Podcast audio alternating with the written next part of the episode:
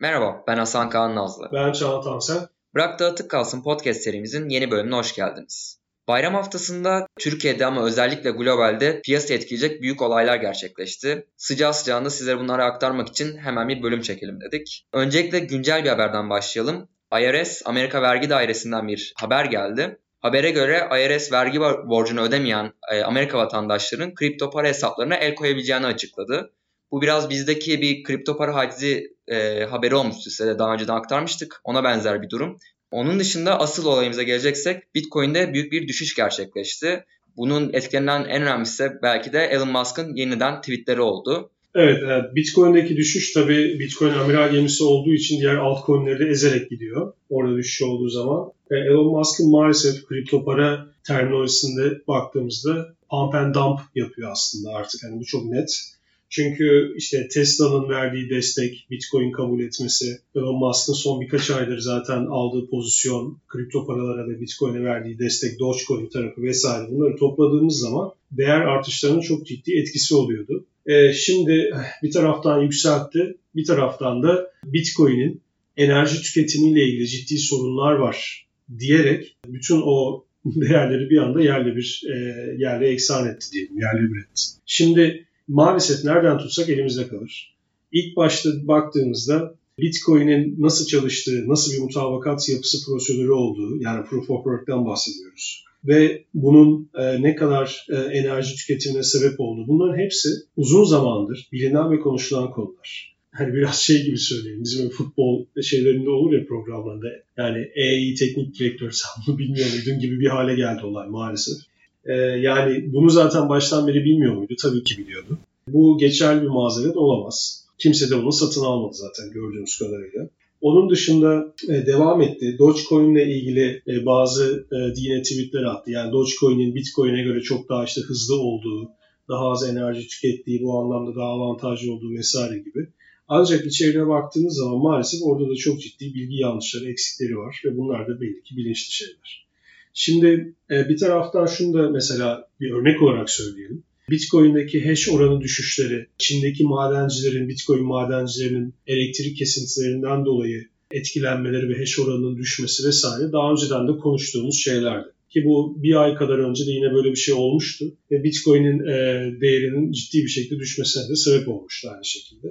E, şu anda da mesela baktığımız zaman şeyler taşınma dönemine geçti. Çin'deki madenciler artık taşınıyor ve daha böyle hidro enerji kaynağına doğru e, gidiyorlar. Bu yönde haberler çıkıyor. Dolayısıyla bunlar bugün ortaya çıkmış, yeni bir şekilde ortaya çıkıp da anlaşılmış bir konu değil. Yani böyle konular değil.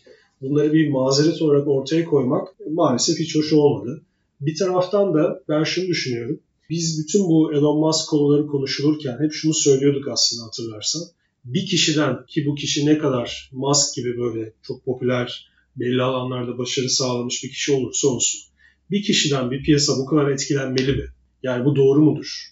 Bu zaten doğru soruydu. Ee, zayıf noktasıydı piyasanın. Bunların ben uzun vadede bu tip olaylar oldukça yaşandıkça temizleneceğini, piyasanın daha olgunlaşıp güçleneceğini düşünüyorum. Ee, biraz işte bunlar e, takke düştü, kel göründü hikayesi aslında. Ee, Elon Musk'ın hani kim olduğu, nasıl hareket ettiği daha öncesinde de tabii ki biliniyordu ama kripto piyasalar açısından, kripto para piyasaları açısından bazı şeyler yeni yeni yaşanıyor, görülüyor. Dolayısıyla bu çok e, tabii ki olumsuz bir şey ama uzun vadede eminim ki pozitife dönecektir. Dogecoin'in kurucusu Palmer'dan da, Jackson Palmer'dan da bir tweet geldi. Bu e, SNL programından sonraki e, zamanda oldu bu. Palmer, Elon Musk'ı kendini beğenmiş bir dolandırıcı olarak tweetinde nitelendirdi ve bu e, fikrini bir dakika boyunca Twitter üzerine tutacağını daha sonra tweetini sileceğini söyleyip gerçekten de böyle yaptı. Yani en hafif tabiriyle şunu söylemek lazım. Dolandırıcı belki bilmiyoruz ya ağır bir kelime olarak şu anda kalabilir. Ee, biraz daha işin içinde olmak lazım aslında. Ama şu anlamda söylüyorum yani şunun için söyledim. Tam olarak birebir de tanımıyoruz bu insanı. Hangi motivasyonlarla neden nasıl böyle hareket ediyor belli bir zaman sonra daha iyi etüt edip görebiliyoruz. Ee, ama tam olarak ilk başta hani neyi amaçladığını birebir yakında olmadığımız için hiç biz de bilmiyoruz, kimse de bilemez. Ama şöyle bir durum var. En basit tabirle. Yani hani umursamaz bir insan. O profil belli. Çünkü bu kadar etki alanı varken, bu kadar etki edebiliyorken bu gücü, bu etkiyi böyle kullanmak umursamazlık zaten. Bu çok net. Yani umarım e, Palmer'ın dediği kadar öyle dolandırıcılık anlamında bir yere gitmez konu kendi içinde. Çünkü o farklı şeyleri olur. E, dalga dalga sonuçları olur. Çok öyle bir şey beklemiyorum açıkçası. Ama umursamaz olup bu yönde zarar verdiği kesin uzun vadede gittikçe piyasa bunları gördükçe kendini arındıracaktır. Bir başka konuda Bitcoin'in dominansında e, bir düşüş gerçekleşti. Dominansı %40'ın altlarına düştü. Bu da uzun süre sonra gerçekleşen yeni bir durum. Evet bu da konuşulan önemli konulardan biriydi. Zaten Bitcoin'in değerinin düşmesiyle birlikte konuşuldu. E, ama bunu da ben şöyle olumlu bir haber olarak görüyorum. E, şimdi Ocak ayından bu yana e, rakamlara bakalım. Birincisi kripto para piyasaları işte 500 e, milyar dolar küsürlerden bugün e, 2 trilyon dolar piyasa değerine ulaştı. Çok ciddi bir yükseliş.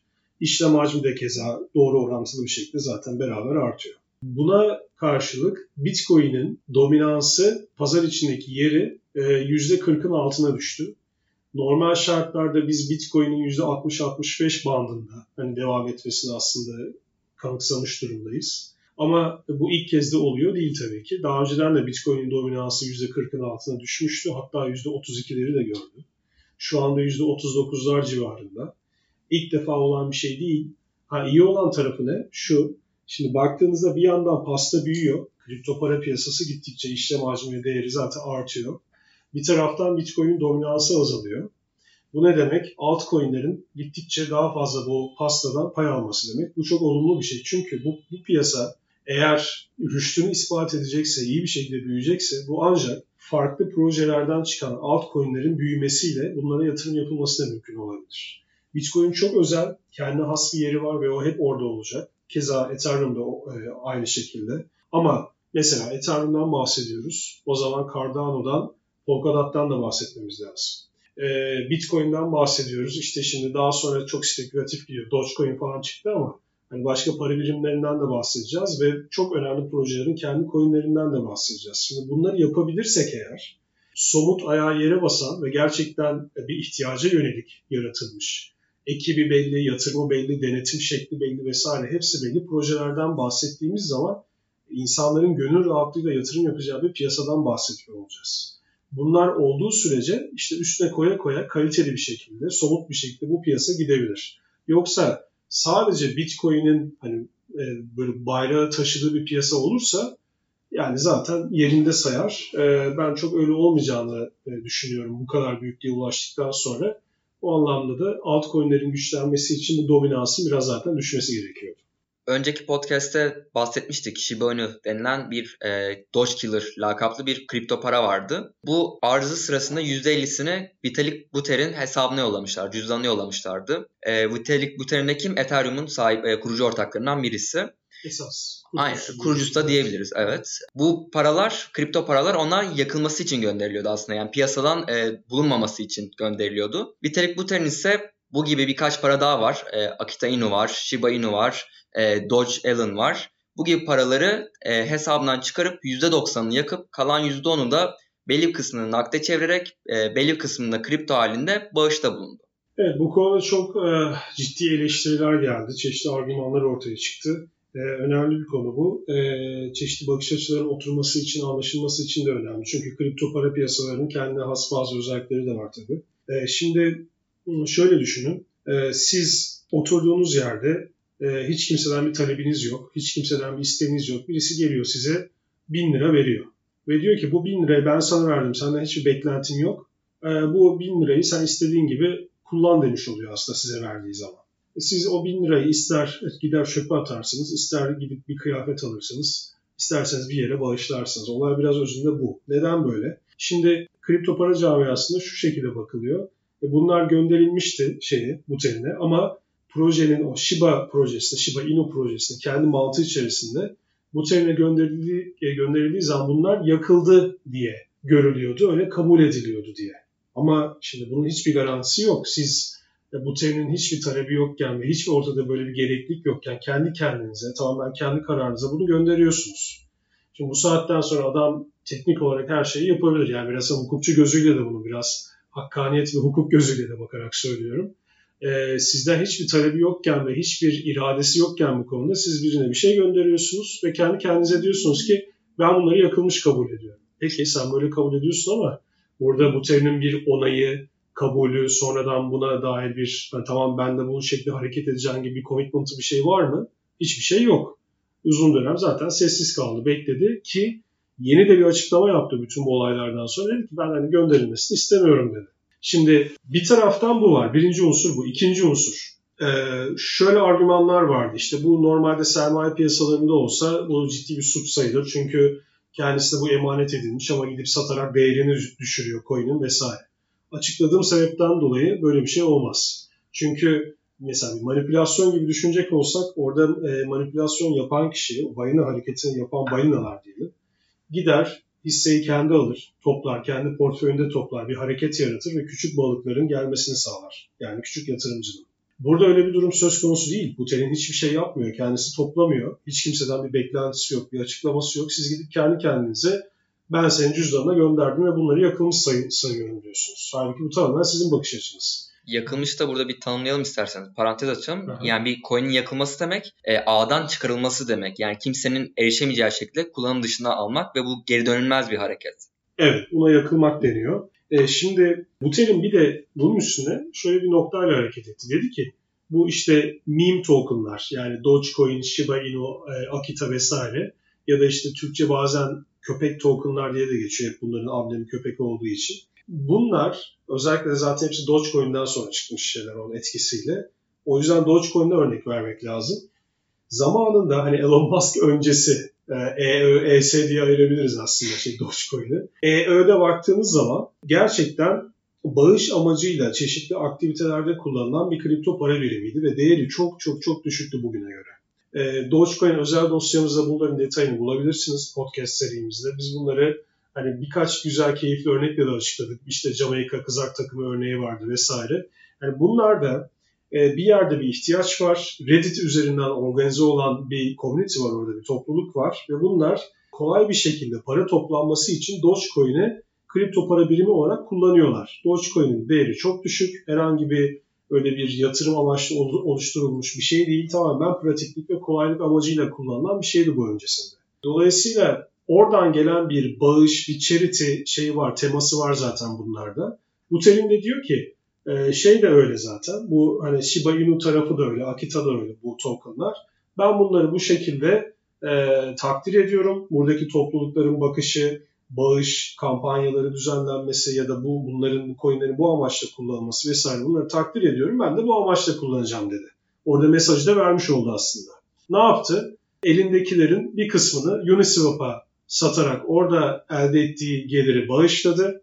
Bir kısmını da doğrudan coin olarak e, Hindistan'daki e, koronavirüsle mücadele e, fonuna bir tane bir fona gönderdi. O şekilde bağışladı. E, bu satıştan dolayı değer düşüşü söz konusu olunca da tepkiler çıktı ama ben bu tepkileri açıkçası pek doğru bulmuyorum. E, Vitalik Buterin'in e, yaptığı hareketinde aslında doğru olduğunu düşünüyorum. E, ki sonrasında da yaptığı açıklama yani bir daha bana bunları bu şekilde göndermeyin e, şekli açıklaması da bence e, bu tutarlılığı da tamamlayan son halka oldu.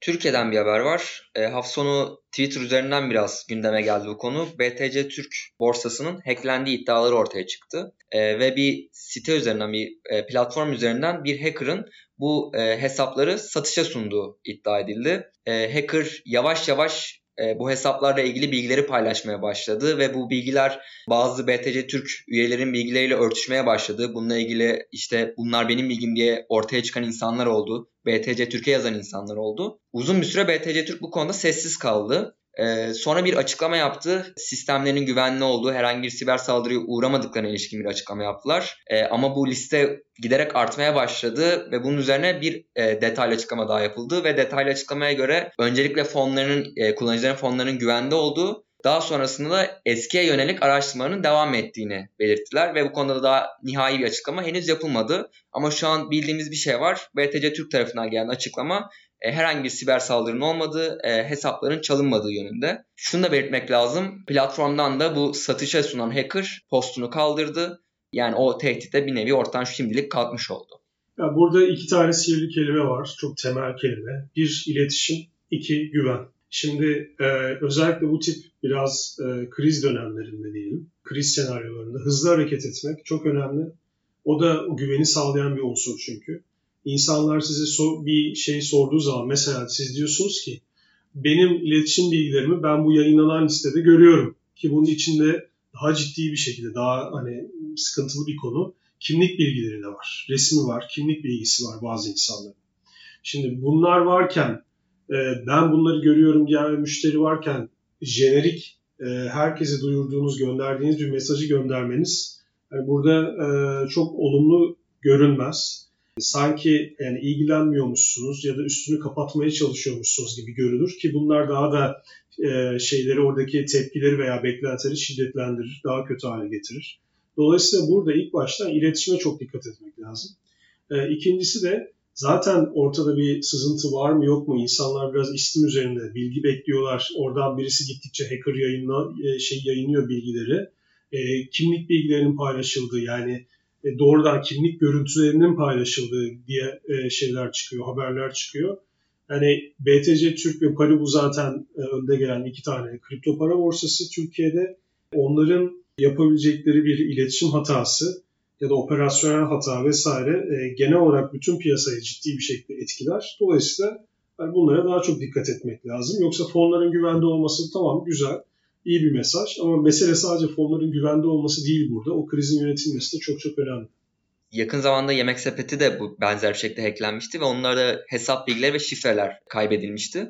Ama burada önemli nokta hani sizin de dediğiniz gibi kimlik bilgilerinin ortaya atılması ve kimlik bilgisi artık günümüzde kimliklerde imzamızın örneğinden tutalım. E, işte bu sistemlerde bizim fotoğrafımızla birlikte şeyler de var, görüntüler de var. Yani bu bilgilere ulaşan bir insan gidip bizim adımıza başka borsalarda da hesap açabilir evet. veya imzamızı taklit edebilecek bir e, veriye Doğru. de sahip olmuş olabilir. Doğru. O yüzden de aslında bunlar ekstra önemli hassas bir noktalar. Çok çok önemli yani mes şimdi zaten sadece kişisel verilerin sızıntısı olsa dahi yine önemli bir konu tabii ki.